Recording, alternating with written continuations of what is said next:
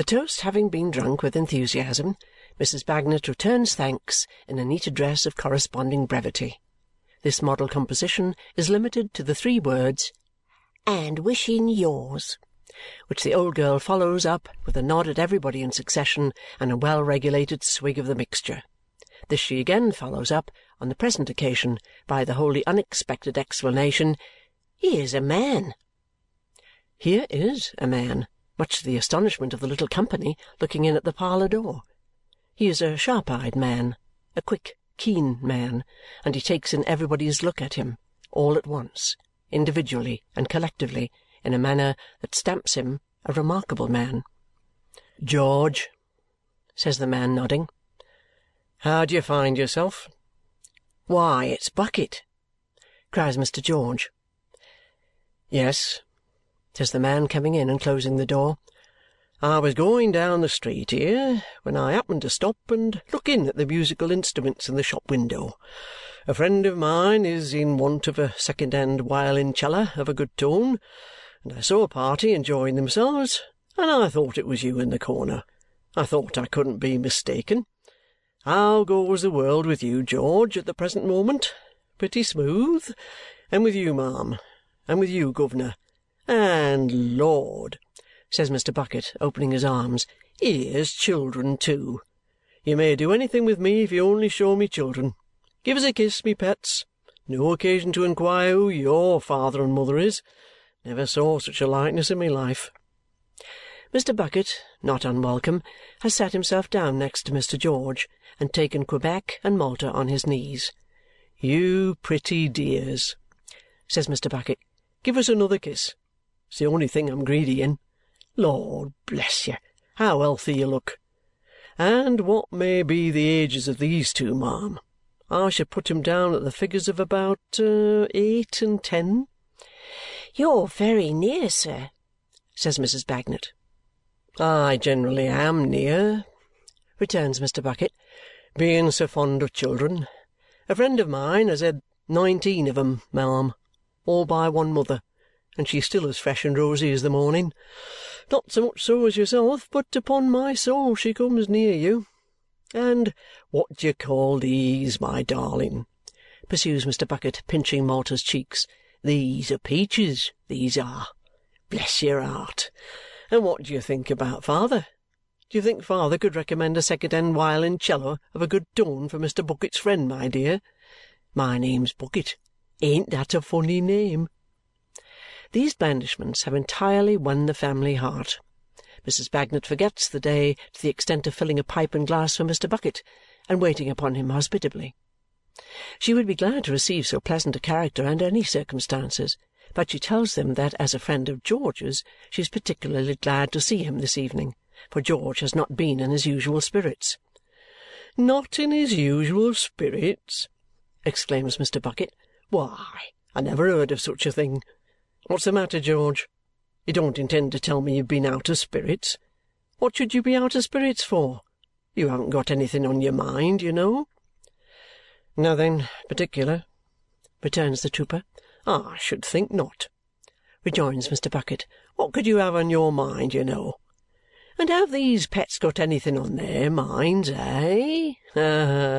Not they, but they'll be upon the minds of some of the young fellows some of these days and make 'em precious low-spirited. I ain't much of a prophet, but I can tell you that, ma'am." Mrs. Bagnet, quite charmed, hopes Mr. Bucket has a family of his own. "There, ma'am!" says Mr. Bucket. "Would you believe it? No, I haven't. My wife and a lodger constitute my family. Mrs. Bucket is as fond of children as myself and as wishful to have 'em, but no. So it is. Worldly goods are divided unequally, and man must not repine.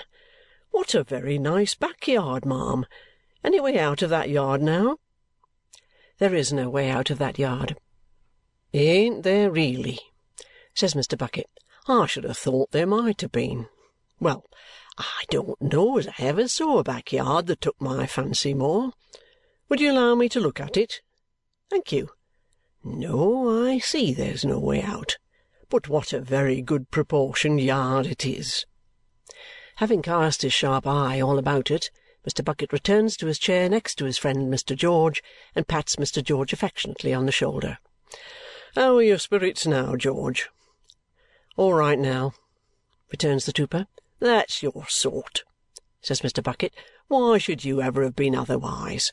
A man of your fine figure and constitution has no right to be out of spirits. That ain't a chest to be out of spirits, is it, ma'am? And you haven't got anything on your mind, you know, George. What could you have on your mind?" Somewhat harping on this phrase, considering the extent and variety of his conversational powers, Mr. Bucket twice or thrice repeats it to the pipe he lights, and with a listening face that is particularly his own. But the sun of his sociality soon recovers from this brief eclipse and shines again. "And this is brother, is it, my dears?" says Mr. Bucket, referring to Quebec and Malta for information on the subject of young Woolwich. "And a nice brother he is. Half brother, I mean to say, for he's too old to be your boy, ma'am." "I can certify at all events that he is nobody else's," returns Mrs. Bagnet, laughing. "Well, you do surprise me. Yet he's like you, there's no denying. Lord! He's wonderfully like you. But about what you may call the brow, you know, there his father comes out." Mr. Bucket compares the faces with one eye shut up, while Mr. Bagnet smokes in stolid satisfaction. This is an opportunity for Mrs. Bagnet to inform him that the boy is George's godson. "George's godson, is he?" rejoins Mr. Bucket with extreme cordiality. "I must shake hands over again with George's godson. Godfather and godson do credit to one another. And what do you intend to make of him, ma'am? Does he show any turn for any musical instrument?" Mr. Bagnet suddenly interposes. "Plays the fife. Beautiful!" "Would you believe it, governor says Mr. Bucket, struck by the coincidence, "that when I was a boy I played the fife myself? Not in a scientific way, as I expect he does, but by ear. Lord bless you! British Grenadiers there's a tune to warm an Englishman up. Could you give us British Grenadiers, my fine fellow?" Nothing could be more acceptable to the little circle than this call upon young Woolwich, who immediately fetches his fife and performs the stirring melody during which performance Mr. Bucket, much enlivened, beats time and never fails to come in sharp with the burden, "British Grenadiers." In short, he shows so much musical taste that Mr. Bagnet actually takes his pipe from his lips to express his conviction that he is a singer. Mr. Bucket receives the harmonious impeachment so modestly, confessing how that he did once chaunt a little for the expression of the feelings of his own bosom, and with no presumptuous idea of entertaining his friends, that he is asked to sing. Not to be behindhand in the sociality of the evening, he complies and gives them Believe me if all those endearing young charms this ballad, he informs Mrs. Bagnet, he considers to have been his most powerful ally in moving the heart of Mrs. Bucket when a maiden and inducing her to approach the altar. Mr. Bucket's own words are, "To come up to the scratch." This sparkling stranger is such a new and agreeable feature in the evening that Mr. George, who testified no great emotions of pleasure on his entrance, begins, in spite of himself, to be rather proud of him. He is so friendly, is a man of so many resources, and so easy to get on with that it is something to have him known there. Mr. Bagnet becomes, after another pipe, so sensible of the value of his acquaintance that he solicits the honour of his company on the old girl's next birthday if anything can more closely cement and consolidate the esteem which Mr. Bucket has formed for the family, it is the discovery of the nature of the occasion. He drinks to Mrs. Bagnet with a warmth approaching to rapture, engages himself for that day twelvemonth more than thankfully, makes a memorandum of the day in a large black pocket-book with a girdle to it, and breathes a hope that Mrs. Bucket and Mrs. Bagnet may before then become, in a manner, sisters. As he says himself, what is public life without private ties? He is in his humble way a public man, but it is not in that sphere that he finds happiness. No, it must be sought within the confines of domestic bliss. It is natural under these circumstances that he, in his turn, should remember the friend to whom he is indebted for so promising an acquaintance. And he does. He keeps very close to him. Whatever the subject of the conversation, he keeps a tender eye upon him. He waits to walk home with him.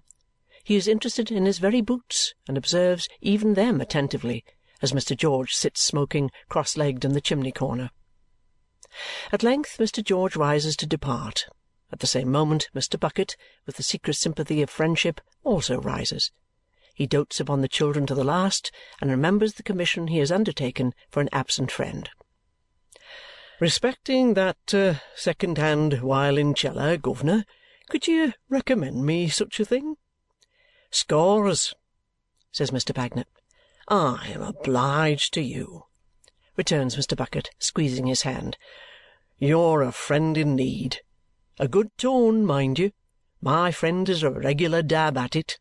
Ecod, he saws away at Mozart and Handel and the rest of the bigwigs like a thorough workman. And you needn't, says Mr. Bucket in a considerate and private voice, you needn't commit yourself to too low a figure, governor. I don't want to pay too large a price for my friend, but I want you to have your proper percentage and be remunerated for your loss of time. That is but fair. Every man must live, and ought to it. Mr. Bagnet shakes his head at the old girl to the effect that they have found a jewel of price. Suppose I was to give you a look in, say, at uh, half arter ten to-morrow morning. Perhaps you could name the figures of a few violoncellers of a good tone, says Mr. Bucket. Nothing easier. Mr. and Mrs. Bagnet both engaged to have the requisite information ready and even hint to each other at the practicability of having a small stock collected there for approval. "Thank you," says Mr. Bucket. "Thank you. Good night, ma'am. Good night, governor. Good night, darlings. I am much obliged to you for one of the pleasantest evenings I ever spent in my life." They, on the contrary, are much obliged to him for the pleasure he has given them in his company, and so they part with many expressions of good will on both sides. "Now, George, old boy," says Mr. Bucket, taking his arm at the shop door, "come along." As they go down the little street and the Bagnets pause for a minute looking after them, Mrs. Bagnet remarks to the worthy Lignum that Mr. Bucket "almost clings to George like and seems to be really fond of him." The neighbouring streets being narrow and ill paved, it is a little inconvenient to walk there two abreast and arm in arm. Mr. George therefore soon proposes to walk singly. But Mr. Bucket, who cannot make up his mind to relinquish his friendly hold, replies, "Wait half a minute, George. I should wish to speak to you first." Immediately afterwards he twists him into a public house and into a parlour, where he confronts him and claps his own back against the door. "Now, George," says Mr. Bucket, "duty is duty, and friendship is friendship. I never want the two to clash if I can help it. I have endeavoured to make things pleasant to night and I put it to you whether I have done it or not. You must consider yourself in custody, George." "Custody? What for?" returns the trooper, thunderstruck. "Now, George," says Mr. Bucket, urging a sensible view of the case upon him with his fat forefinger, "duty, as you know very well, is one thing, and conversation is another. It's my duty to inform you that any observations you may make will be liable to be used against you. Therefore, George, be careful what you say. You don't happen to have heard of a murder?" "Murder?" "Now, George," says Mr. Bucket, keeping his forefinger in an impressive state of action, "bear in mind what I've said to you. I ask you nothing. You've been in low spirits this afternoon. I say you don't happen to have heard of a murder?" "No. Where has there been a murder?" "Now, George," says Mr. Bucket, "don't you go and commit yourself. I'm a going to tell you what I want you for. There has been a murder in Lincoln's Inn Fields. Gentleman of the name of Tulkinghorn. He was shot last night. I want you for that." The trooper sinks upon a seat behind him, and great drops start out upon his forehead, and a deadly pallor overspreads his face. Bucket, it's not possible Mr. Tulkinghorn has been killed and that you suspect me?" "George," returns Mr. Bucket, keeping his forefinger going, "it is certainly possible, because it's the case. This deed was done last night at ten o'clock.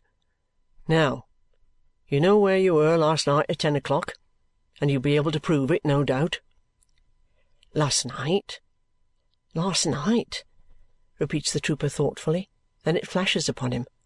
"Why, great heaven, I was there last night!" "So I have understood, George," returns Mr. Bucket with great deliberation.